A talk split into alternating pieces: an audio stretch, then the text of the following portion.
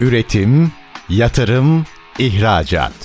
Üreten Türkiye'nin radyosu Endüstri Radyo sizin bulunduğunuz her yerde. Endüstri Radyo'yu arabada, bilgisayarda ve cep telefonunuzdan her yerde dinleyebilirsiniz. Endüstri Radyo.com Çetin Ünsal'ın hazırlayıp sunduğu İşte Bunu Konuşalım programı başlıyor. İşte bunu konuşalımdan merhabalar. Türkiye'nin gerçek gündeminde birlikteyiz efendim. Biz yazılım konuşuyoruz. Tabii profesyonel yazılımcılar önemli. Fakat e, günün sonunda aslında e, bir kodsuz trendi var dünyada. Kodsuz e, teknoloji trendi var ve oraya doğru bir gidiş var. Bu ülkemizde de aslında e, ilerleyen bir e, süreç. Şimdi o trendi biraz konuşacağız. Bunun dijital dönüşümle ilişkisini biraz mercek altına alacağız. E, ayrıca yine bu konuşmamız kapsamında e, yine verilen eğitimler var. Eğitimden enteresan çıktılar var. Biraz onları da konuşacağız. Kıymetli bir konumuz var. No Code Time kurucusu Tunç Er Yiğit. Bugün işte bunu konuşalım konu. Sayın Er Yiğit hoş geldiniz efendim. Merhabalar, hoş bulduk. Üstadım e, daha önce konuştuğumuzda böyle ufak ufak dünyada konuşulmaya başlanmıştı. Şimdi artık raporlara yansımaya başladı. Kodsuz teknoloji meselesi. E, birincisi buradan başlayalım. Nereye doğru gidiyor bu iş? Aslında şöyle e, bu konuda yayınlanan tabii ki elbette birçok rapor var. E, buradaki öngörü e, 187 milyar dolarlık bir pazara ulaşacağı bekleniyor bu sektörün. E, ve 2030 yılı içerisinde yani önümüzdeki 10 yıl içerisinde. Dolayısıyla çok büyük bir pazar. E, bununla birlikte başka bir raporda da aslında geliştirilecek iş uygulamalarının %50'den fazlasının no-code ve low-code teknolojilerle geliştirileceği söyleniyor. Dolayısıyla e, inanılmaz büyük bir pazar ve biz bu pazarda bir şekilde bir yerinde olmak için e, çalışıyoruz çalışıyoruz gece gündüz. E, bu şekilde diyebilirim. E, belki ilk kez duymuş olan dinleyicilerimiz vardır. O kodsuz pazarı biraz tanımlayabilir misiniz bize? Nedir e, kastettiğimiz şey? Aslında no code ve low code teknolojilerinden bahsediyoruz burada. Low code biraz daha az kodla e, yazılıma ulaşma çabası. No code ise hiç yazılım kodu kullanmadan direkt citizen developer kavramıyla aslında vatandaş geliştiricilerle teknik bilgisi e, yeterli teknik bilgisi olmayan kişilerin de yazılım geliştirebileceği bir teknolojiden bahsediyoruz. Burada e, bir kere eğitim maliyeti çok düşük olduğu için çok daha kısa sürelerde e, çok daha büyük projelere imza atmamızı sağlıyor. E, dolayısıyla e, biraz daha aslında bize zaman ve maliyet avantajı sağlayan bir teknoloji diyebilirim. Bütün firmaların dijital dönüşümünden bahsediyoruz. Aslında bu bir anlamda personelin daha önceki katılımınızda bir ifade kullanmıştınız. O benim çok hoşuma gitmişti. Ya e, bunu öğrenin ki e, o süreçte oraya bir sistem kurulduğunda ufak tefek iyileştirmeleri, geliştirmeleri siz yapabilecek veya personeliniz yapabilecek seviyede olsun. Bu yeterince anlaşılıyor mu Türkiye'de? Aslında şöyle e, yeni yeni anlaşılmaya başladı. Ben çok uzun yıllardır no code teknolojileriyle ilgileniyorum. 2017 yılında sektöre giriş yaptım ve zaten o yıllarda doğan bir teknoloji aslında. E, dolayısıyla şu an geldiğimiz noktada şirketler no code ve low code'un kavramının e, ne olduğunu artık biz anlatmak ihtiyacı hissetmiyoruz. Dolayısıyla bilinen bir kavram olmaya başladı. Burada da yine Gartner'ın bir yayınladığı bir rapor geçen yıl çok büyük şeyleri aslında vesile oldu. Artık biz no code ve low code'un ne olduğunu anlatmak yerine e, hangi platformun ne işe yaradığını anlatarak e, toplantılarımız devam ediyor. Dolayısıyla şirketler artık kendi iş süreçlerinin e, klasik yöntemle çok fazla da verimle yönetilemediğinin farkına varmış durumdalar. Çünkü hiçbir süreç e, analizini yaptığımız günkü gibi kalmıyor. 6 ay sonra değişiyor. Şirketler yaşayan varlıklar. Bunu hepimiz zaten deneyimlemiş ve e, biliyoruz diyebilirim. E, Gartner'ın raporu ne anlatıyordu ki bu kadar kırılma oldu? E, Gartner'ın aslında yükselen teknoloji trendlerini anlattığı bir radar var. Hı hı. E, yükselen teknoloji trendleri radarı diye geçiyor. 2022 yılında low code ve no code e, platformlar aslında burada en ortadaydı. Böyle yuvarlak bir radar düşünün. E, önemine göre e, radarın neresindesiniz, o halkanın neresinde olduğunuzu resmeden bir e, rapor aslında. Dolayısıyla burada işte e, farklı teknolojilerle birlikte low code ve no code pazarı da e, en ortada ve en önemli e, trendler arasında yer almıştı. E, Biraz şöyle yanlış anlamalar var. Onları biraz açalım mı? Ya bakın herkes e, bu teknolojiyi öğrenecek. Kodsuz işleri bitirebilecek. Böylece yazılımcılara da gerek kalmayacak. Şimdi böyle bir e, şehir efsanesi dolaşıyor. Şimdi tabii öyle değil. Yani e, şöyle diyeyim halı saha maçında futbol oynamakla profesyonel futbol oynamak arasındaki fark kadar bariz ama bunu biraz anlatmamız lazım. E, yazılımcıyla kodsuz bir takım bir şeyleri geliştirebilen e, fotoğrafını biraz açın bize. Şimdi şöyle e, aslında ben bunu şöyle anlatıyorum. Şimdi yazılımcılar nitelikli e, arkadaşlar aslında. Bunlar eğitimini görmüş, e, kendini teknoloji alanında geliştirmiş arkadaşlar.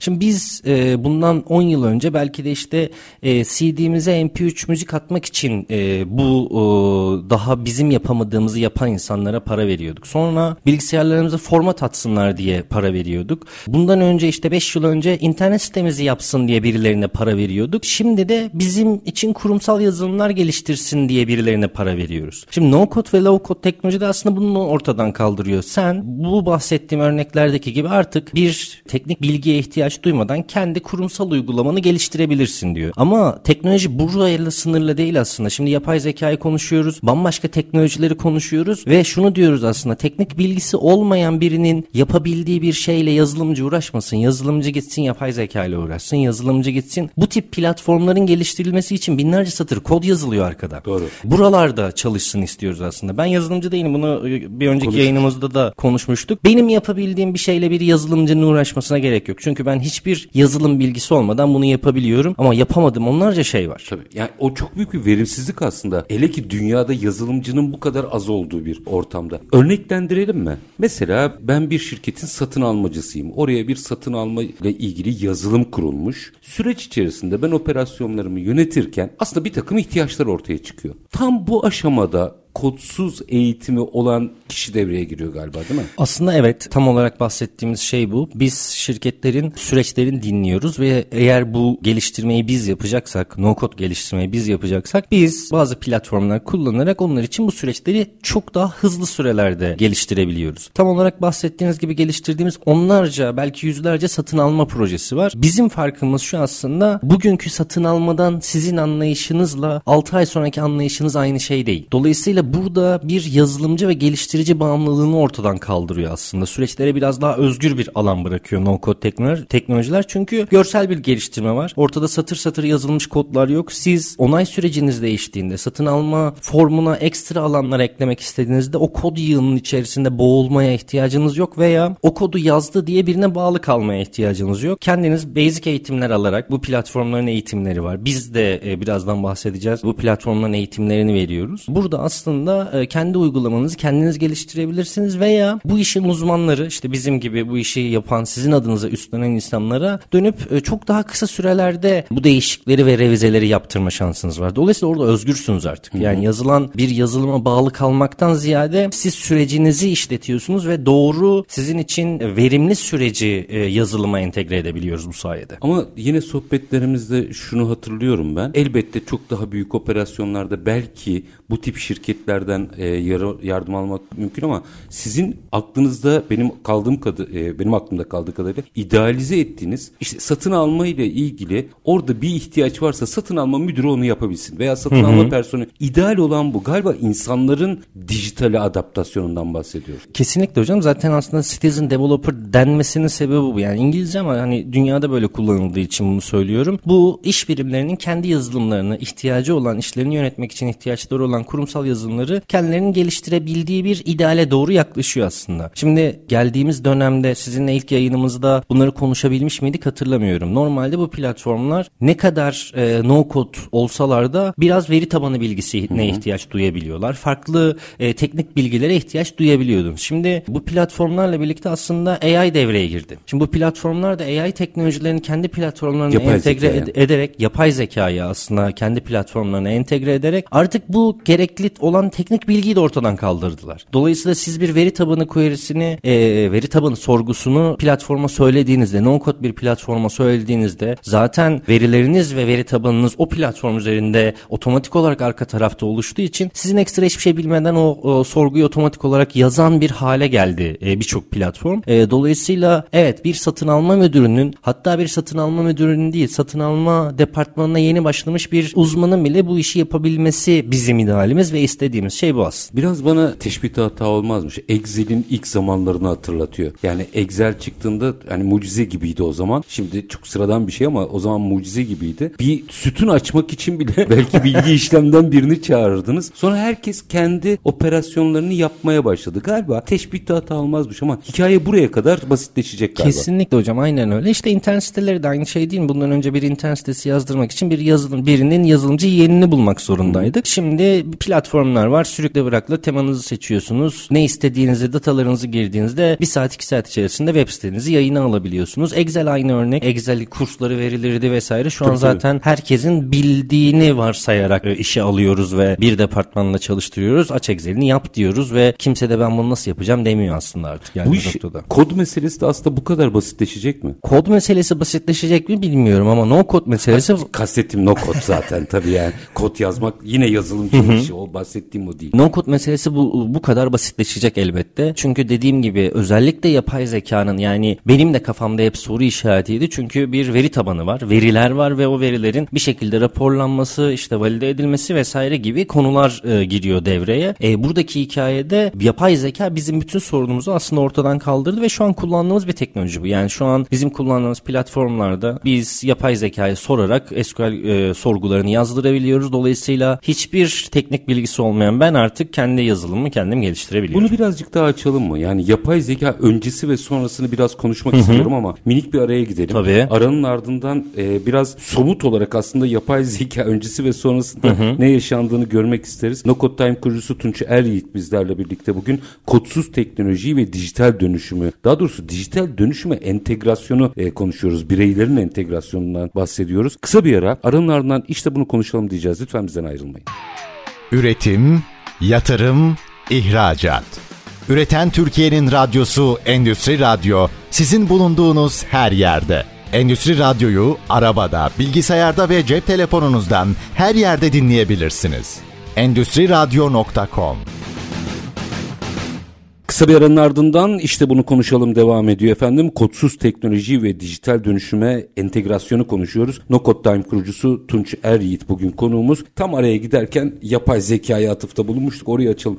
Bugünlerin en popüler konusu her yerde karşımıza çıkıyor ama kodsuz da yapay zeka öncesi ve sonrası ne değişti merak ederim açıkçası. Hocam şimdi aslında şöyle e, dediğim gibi ben 2017'den beri e, bu teknolojileri anlatıyorum ve anlatırken söylediğim şey şuydu yapay zeka öncesinde. Yazılım kodu bilmene gerek yok ama veri tabanını biliyor olman lazım. Veri tabanında işte sorgulama dilini biliyor olman lazım. Veri tabanının e, mimarisini biliyor olman lazım. Geliştiriciden minimum gereksinim buydu aslında bir geliş, geliştiriciden beklediğimiz. Şu an geldiğimiz noktada biz bu işi aslında buradaki teknik bilgiyi bu arada hani veri tabanını beklediğimiz veri tabanı da böyle bir ayda iki ayda öğrenilebilecek bir veri tabanı bilgisiydi ama sonuçta bir çalışma ve emek gerektiriyordu. Dolayısıyla şu an geldiğimiz noktada biz buradaki bu teknik bilgiyi de yapay zekadan artık faydalanmaya başladık. Ondan e, talep etmeye başladık. E, dediğim gibi bu çalıştığımız platformlar yapay zeka teknolojilerini kendi platformlarına entegre ettikleri için artık biz yapay zekaya soruyoruz. Yani işte bir sürü chatbot var soruyorsunuz ve doğru cevabını veriyor hepimizin bildiği. Biz bu platformların içinden artık bu chatbotlara sorularımızı soruyoruz ve orada bahsettiğim o teknik bilgiyi artık ya- yapay zeka ya- e, yardımıyla ekstra hiçbir şey bilmemize gerek kalmadan geliştirmemize imkan sağlıyor En aslında. çok ne şaşırttı sizi orada?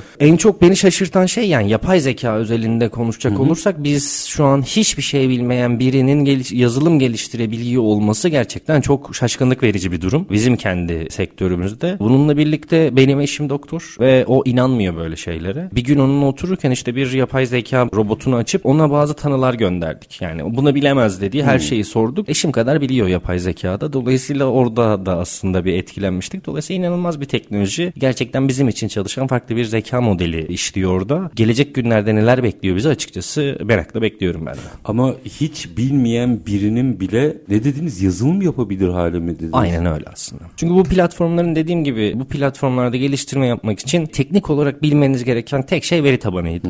Şimdi bu veri tabanı bilgisinde biz yapay zekadan öğrenebildiğimiz ve ona bu işi yaptırabildiğimiz için şu an hiçbir şey bilmenize gerek yok. Dolayısıyla bir yapay zeka ile entegre olmuş bir kodsuz platformu kullandığınız durumda siz hiçbir şey bilmeden sürükle bırakıla formlarınızı geliştirebilirsiniz. Geliştirdiğiniz formlardaki o formun altındaki raporun sorgusunu da yapay zekaya yazdırıp aslında yolunuza devam edebilirsiniz. Firmalar bunun ne kadar farkında? Geçmişe hizmet, göre hizmet alan firmalardan. Geçmişe göre aslında inanılmaz büyük bir farkındalık var işte birinci bölümde bahsettiğimiz hmm. raporlardan sonra özellikle. Bununla birlikte global oyuncular Türkiye'de oyuna girmeye başladı. Dolayısıyla onların da inanılmaz aslında fark yarattığı farkındalıklar var. Şu an farkındalık dediğim gibi geçmişe göre inanılmaz seviyede artmış durumda ve her gün bir yerde e, no code, low code teknolojileriyle karşılaşıyoruz. Ya bir yerde haberi çıkıyor ya yeni bir platform çıkıyor. Dolayısıyla farkındalık artıyor ama tam anlamıyla o platformun neler yapabileceğini bence kullanan firmalar da hala bilmiyor. Hmm. Yani bilmesi gerekiyor mu onu da bilmiyorum. Ama kullanabiliyor olması lazım. Yani bazen yürürsünüz ama nasıl yürüdüğünüzü bilmezsiniz gibi bir durum da var. Yani bu kadar teknolojinin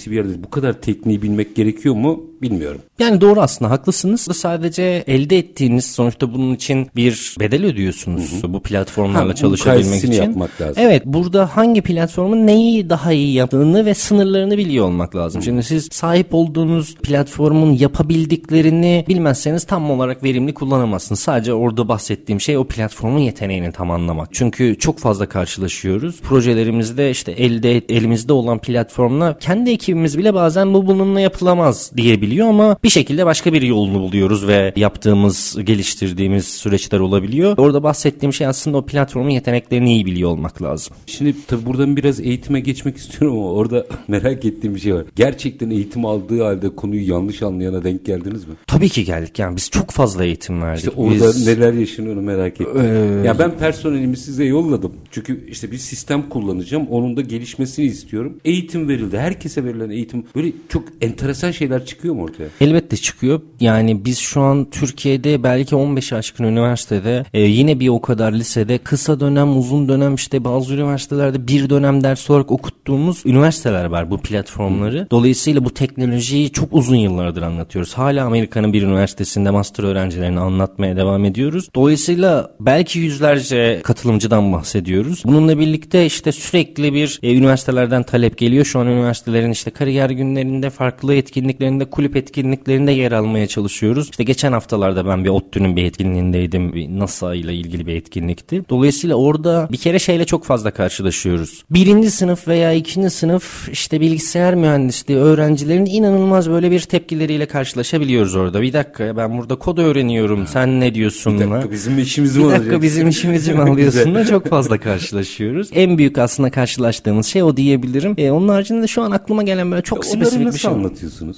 E, size anlattığımı anlatıyorum. Ben yapabiliyorsam bunu yapma. Sen git başka bir şey yap. Yapay zeka ile uğraş. İşte kripto ile uğraş. Başka bir şeyle uğraş. Çünkü ben bunu yapıyorum. Yani şu an senin yaptığın şey format atmayı biliyorum demek gibi bir şey hmm. dediğimde zaten o da anlıyor ve orta yolu buluyor. Şu an kavga ettiğimiz ve küs ayrıldığımız hiçbir öğrenci yok diyebilirim. Aslında onların yani bunları böyle anlattığınızda onların kariyer yolculuğuna çok ciddi bir katkıda bulunuyorsunuz. Yani iki gün sonra boşa düşecek bir alana yönelmesini engelliyorsunuz aslında. Aslında bütün derdimiz o zaten. Yani biz şu an e, en başından beri üniversite etkinliklerine ve eğitimlerine çok önem veren bir firmayız. Dolayısıyla orada bizim istediğimiz şey evet yeni bir teknoloji ama bu teknolojinin farkındalığını arttırmaya çalışıyoruz. Bu teknolojinin farkındalığı sadece bilgisayar mühendislerini anlatmakla da olmuyor aslında. Birçok yerde biz çıkıp bu kodsuz teknolojiyi, low code teknolojilerini anlatmaya çalışıyoruz. Dolayısıyla orada da bir bilgisayar mühendisi öğrencisinin mezun olduğunda ben müşteri tanıtım kartı yapabiliyorum veya satın alma formu yapabiliyorum demesi çok fazla da bir şey ifade etmeyecek aslında. Başka bir şeyle uğraşması lazım kod yazmak istiyorsa. Çünkü orada kodsuz teknolojiler geliyor ve geldi yani oraya yapacak bir şey kalmadı artık. Yabancı oyuncuların da Türkiye pazarına girdiğinden ve orada bir farkındalığı da etki, olumlu etki yaptığından bahsediyor. Yabancı oyuncular Türkiye pazarında nasıl bir potansiyel gördüler de geldiler? Aslında şöyle çok büyük yazılım şirketleri bunlar. Platformlara sahip olan şirketlerden bahsediyorum. Çok uzun yıllardır Türkiye'de faaliyet göstermeye çalıştılar uzun zamandır ama Türkiye'de farkındalık gerçek anlamda geçtiğimiz yıl ve bu yıl oluştu diyebilirim. Benim de böyle arkadaşlarım, samimi olduğum arkadaşlarım var bu global oyunculardan. Şu an geçen yıl bildiğim kadarıyla bir tanesinde Türkiye için ayrı bir ekip kuruldu. Yani hmm. Avrupa'nın bir ülkesinde sadece Türkiye için Türklerden oluşan ayrı bir ekip kuruldu ve bunun bir sebebi de aslında dediğim gibi Türkiye'deki firmalar bunun farkındalığına vardı ve artık no code ne demek onu anlatmıyorlar. Kendi platformlarını anlatıyorlar. Çünkü herkes zaten no code'un ne olduğunu biliyor artık. Yani aslında aslında mesele e, kodsuzdan çıkmış ve platform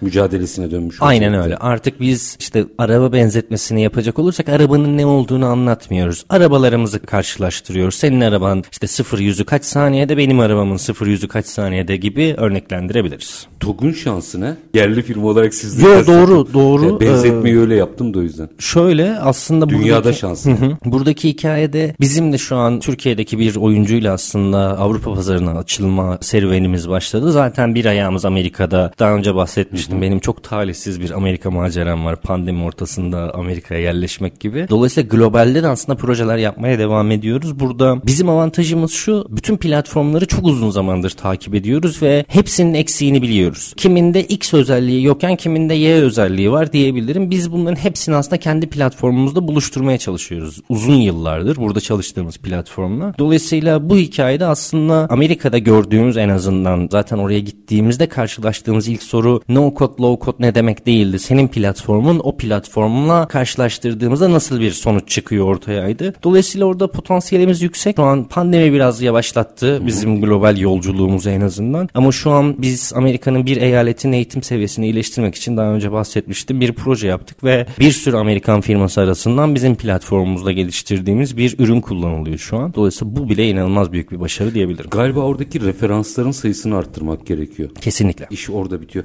Şimdi peki minik bir araya gidelim. Aranın ardından reel sektörün bu konudaki eğitim eğilimlerini biraz Hı-hı. açmak istiyorum. Ne tip bir eğitimden bahsediyoruz? Çünkü bildiğim kadarıyla bu eğitimler falan ücretsiz. Hikaye zaten sizin ifade ettiğiniz platformlar üzerinden bir rekabet var. O eğitimler neyi kapsıyor? Onu biraz konuşmak tamam, isterim. Tamamdır. Onun içinde de enteresan birdenbire şimdi biraz sonra Sayın Eryiğit'ten cevabını rica edeceğim. Biz sohbet sırasında konuşurken hoşuma gitti. Bazıları ya bir dakika ben bunu profesyonel olarak yapayım noktasına kadar da gidebiliyorlar. E, konuşacağız. No Code Time kurucusu Tunç Eryiğit bizlerle birlikte kısa bir ara işte bunu konuşalım. Üretim, yatırım, ihracat. Üreten Türkiye'nin radyosu Endüstri Radyo sizin bulunduğunuz her yerde. Endüstri Radyo'yu arabada, bilgisayarda ve cep telefonunuzdan her yerde dinleyebilirsiniz. Endüstri Radyo.com Kısa bir aranın ardından işte bunu konuşalım demeye devam ediyoruz. Konuğumuz Nokot Time kurucusu Tunç Er Yiğit. Kodsuz teknoloji ve dijital dönüşümü konuşuyoruz. Şimdi döndük dolaştık geldik eğitime. Şimdi günün sonunda X, Y, Z bir platform anlaşılıyor.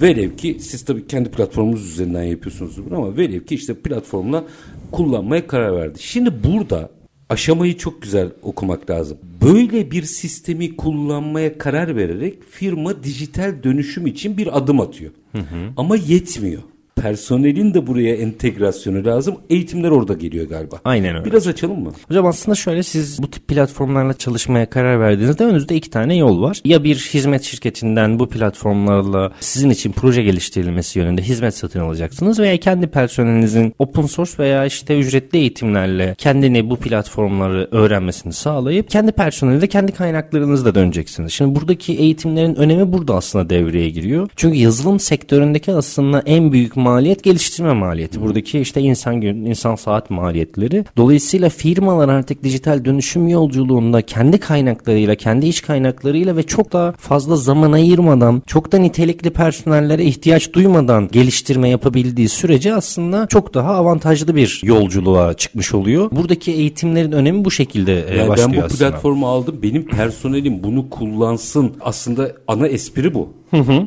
Yani her seferinde dışarıdan da işte birini çağırmayayım. Aynen öyle aslında derdimiz o. Siz bir platformu aldıysanız kendi personeliniz bu platform üzerinde gerekli geliştirmeleri yapabilmeli veya işte projenizi yaptırdığınız zaman revize taleplerini karşılayabilmeli, yeni isteklerinize cevap verebilmeli. E tabii ki bunun için de bir eğitim alması gerekiyor. Eğitimler ücretsiz olduğu için çok rahat soracağım bunu.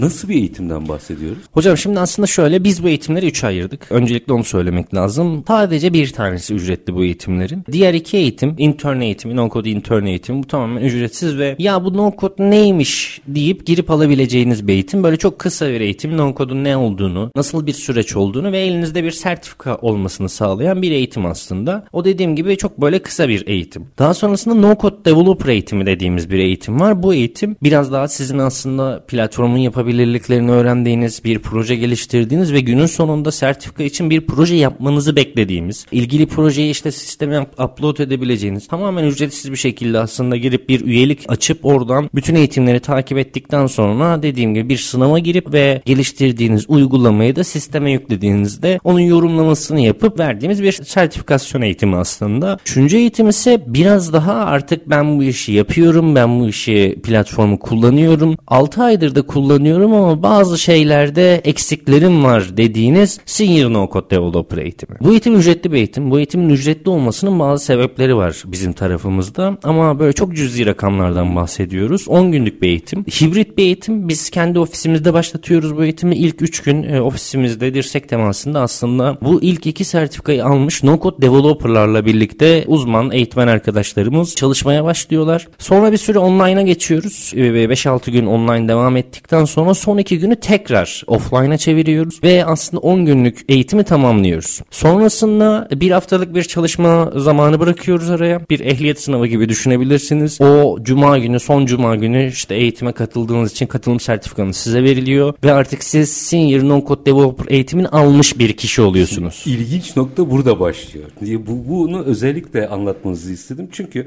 şartlar altında şimdi tabii ki satın almacılardan gittik ama oradan gidelim. Hadi diğer meslekler veya satın almacılar üstüne alınmasın. Ben bir şirketin satın almacısıyım. Bu müdür olmama gerek yok. Evet şirket platforma uyum için beni eğitime yolladı. Buraya kadar da sorun yok. Fakat işin biraz tadını almaya başlıyorum. İki eğitimi aldık onda sıkıntı yok. Hı hı. Şimdi eğer ya bazı şeyleri yapamıyorum bunu geliştireyim diye gidiyorsanız yani o ücretli dediğiniz kısmı tam onu da anlıyorum. Fakat orada enteresanlık şurada başlıyor. Bir dakika ya ben bu işi yaparıma başlıyor. Bunu biraz konuşalım. Yani bir satın almacının tekrar no kod uzmanı haline dönüşmesinden bahsediyorsunuz. Çok heveslisi var mı bu işin? Aslında şöyle özellikle direkt satın almacı veya işte farklı title'lardan şey gelen biriyle şu ana kadar açıkçası karşılaşmadım. Ama asıl mevzu şu bambaşka bir üniversiteden mezun olmuş genç arkadaşlarımız dahil oluyor. Yazılımla uzaktan yakından bir ilgisi yok ve günün sonunda aslında ilk iki eğitim, eğitim alıyor, bakıyor bir şeyler yapabiliyor. E bu üretilen aslında yazılım gerçek anlamda bir değer olduğunu görüyor. Yani bu satılabilir bir değer sonuçta. E günün sonunda cüzi bir rakamı ödeyip senior no code developer eğitiminde aldığında zaten bizim ekosistemimizde no code ekosisteminde iş bulma fırsatı yakalıyor. Şimdi no code ekosisteminde iş bulmanız için sizin bilgisayar mühendisi olmanıza gerek yok. Çünkü bahsettiğim gibi aslında bu uzun eğitimleri almanıza gerek yok. Hikaye kodsuz zaten.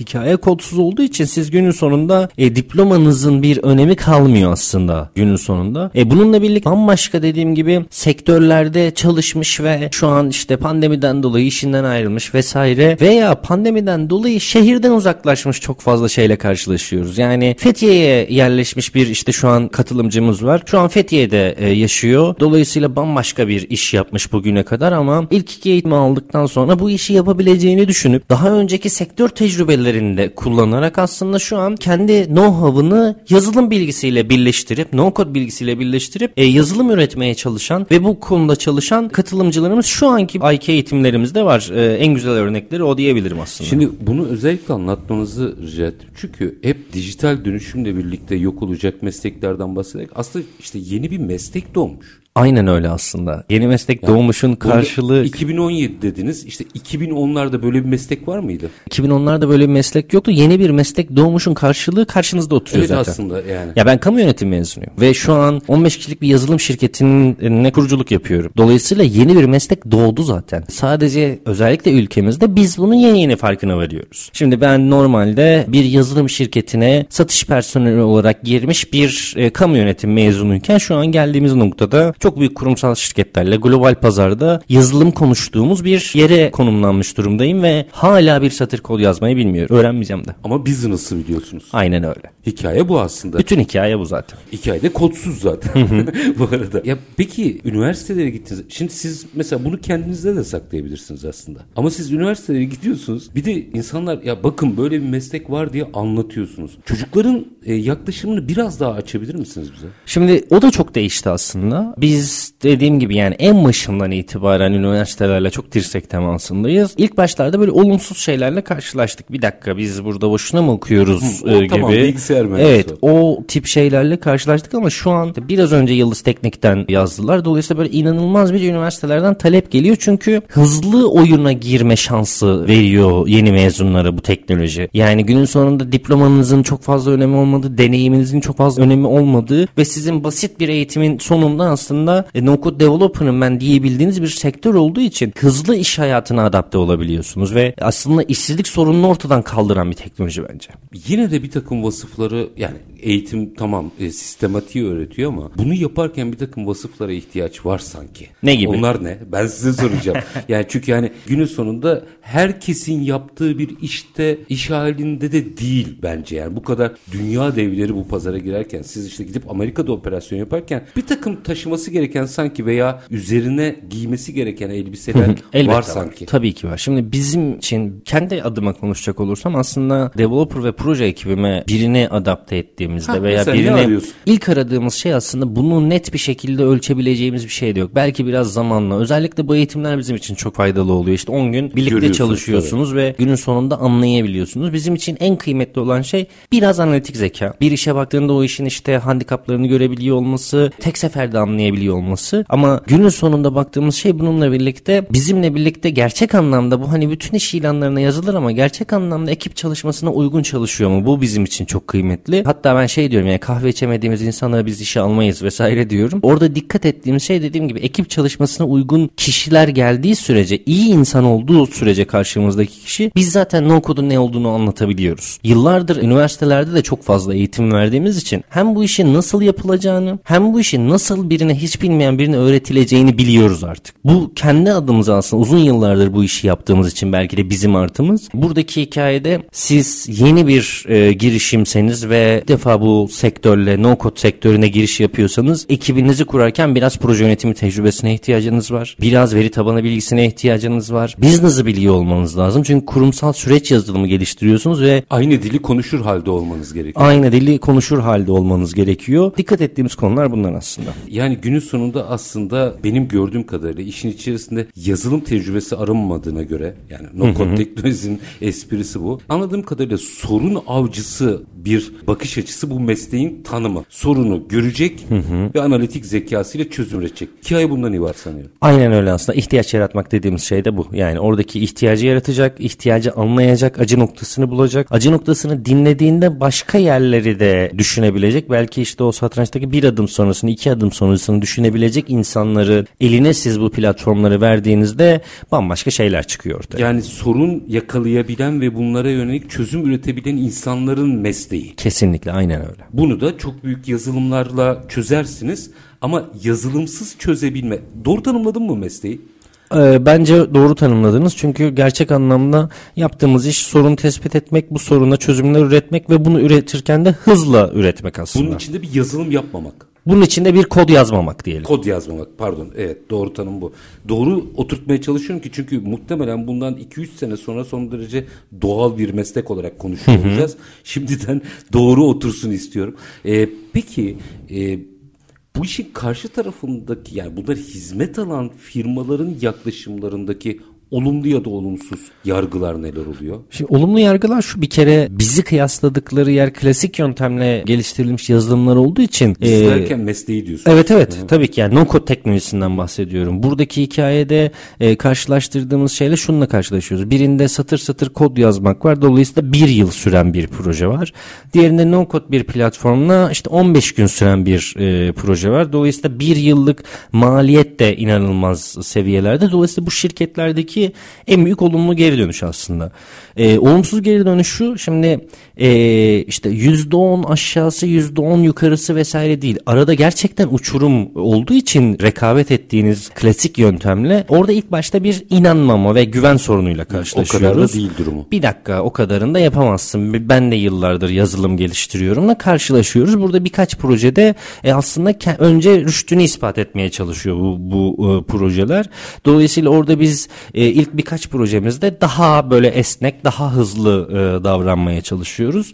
E, olumsuz geri dönüşler ise bir yerde bu kırılıyor ve artık tamam e, no teknolojiyle her şey çok kısa sürede yapılabilire geliyor ama günün sonunda bir şey yapıyoruz ve biz çalışıyoruz. Dolayısıyla e, her şey ol dediğimizde de olmayabiliyor. Orada işte 10 gün 20 gün çalışmamız gereken işler olabiliyor. E, orada da olumsuz geri dönüş belki bu olabiliyor. Bir dakika bunu bir günde yaptım bunu niye 5 günde yapıyorsunla karşılaşıyoruz. Orada müşteri bu e, rahatlığa ve esnekliğe alıştığında orada imkansızı bazen isteyebiliyor bizden de. Sektör yeni yeni geliştiği için hem bizde hem dünyada bu aşamadaysa güzel. Yani işte niye 5 günde yaptım ne yapıyorsun'a dönerse kötü. Daha oraya dönmedi açıkçası.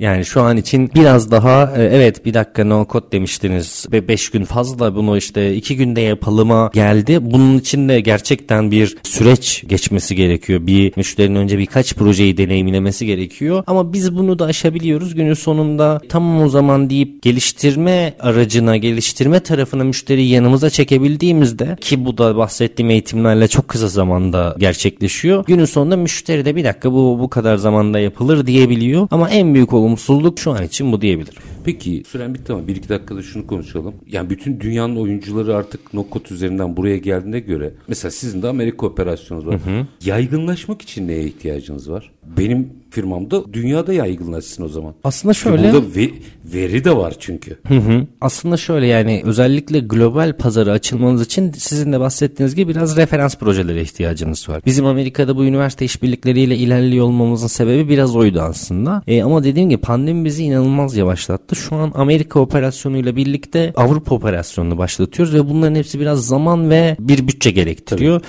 Dolayısıyla her şey bir anda olmuyor. Oradaki global pazardaki özellikle büyük firmaların avantajı güçlü bütçeleri. Dolayısıyla onların yaygınlaşması daha hızlı ve daha e, böyle agresif davranabiliyorlar. Önemli olan şey de aslında onların o agresifliğinin yanında var olabilmek. Bizim de amacımız aslında Amerika ve Avrupa operasyonuyla zaten Türkiye Cumhuriyetlerde projelerimiz var ve devam ediyor. Ama oradaki işte partner yapısıyla vesaire e, oradaki yaygınlaşma alanı da arttırmak istiyoruz. Burada önemli olan konu sizin de bahsettiğiniz gibi acıyı bulan ve aslında ihtiyaç yaratan insanlar. Dolayısıyla direkt bir kuruma gitmek yerine belki de oradaki acıyı bulan iş ortaklarıyla, yazılım şirketleriyle iş birliğinde çalışmamız bizim işimizi e, hızlandıracak ve yaygınlaşmamızı hızlandıracağını düşündüğümüz için şu an Avrupa'da böyle bir operasyonu başlatmış durumdayız. Çünkü baktığınızda perakende sektörü şu bu falan birçok verinin de aslında odak noktası olma yarışı bu. Aynen öyle hocam.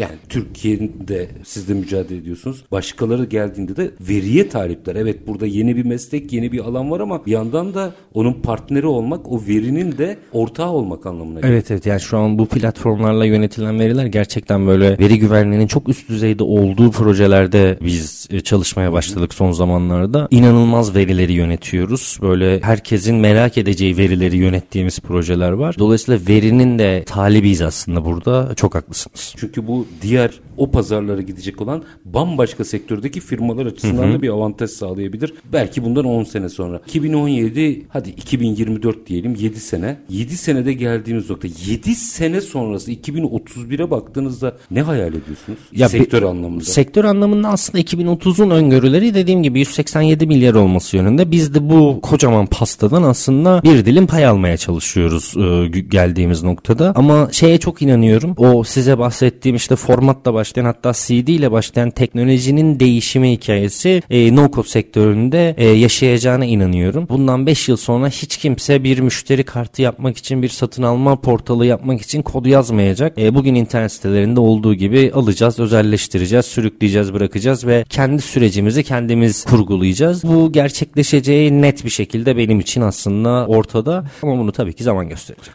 Ama sözlerinizden anladığım kadarıyla bu 7 yıla kalmayacak galiba. Bence Çok de kalmayacak. Gidiyor. Çok hızlı gidiyor. No Code Time kurucusu Tunçer Yiğit. Çok çok teşekkür ediyorum. Ben çok teşekkür ederim hocam. Çok sağ olun. Ben teşekkür ediyorum. Çünkü ilk sizde bu programı yaptığımız böyle ufak ufak artık kulak dolgunluğu olan bir başlıktı. Hı hı. Bugün hem yurt içinden yurt dışına hem yurt dışından yurt içine agresifleşen bir pazardan bahsediyoruz. En önemlisi yeni bir meslekten bahsediyoruz. Ve yüreğinize sağlık. Üniversitelere gidip tek tek bir de anlatıyorsunuz çocuklara. Kendiniz aslında rakip yaratıyorsunuz o açıdan. Bu bence çok onurlu bir davranış. Çok çok teşekkür ben ederim. Ben çok teşekkür ederim. Sağ olun. Olun. Var olun. Efendim bugün sizlerle kosuz teknoloji ve dijital dönüşümü konuştuk. Buradaki eğitimleri de mercek altına alarak aslında oradaki çıktıları da biraz ele alma şansımız oldu. Nokot Time kurucusu Tunç Er Yiğit bugün bizlerle birlikteydi. Biz her zamanki gibi bitirelim. İşinizi konuşun, işinizle konuşun. Sonra gelin işte bunu konuşalım. Hoşçakalın efendim.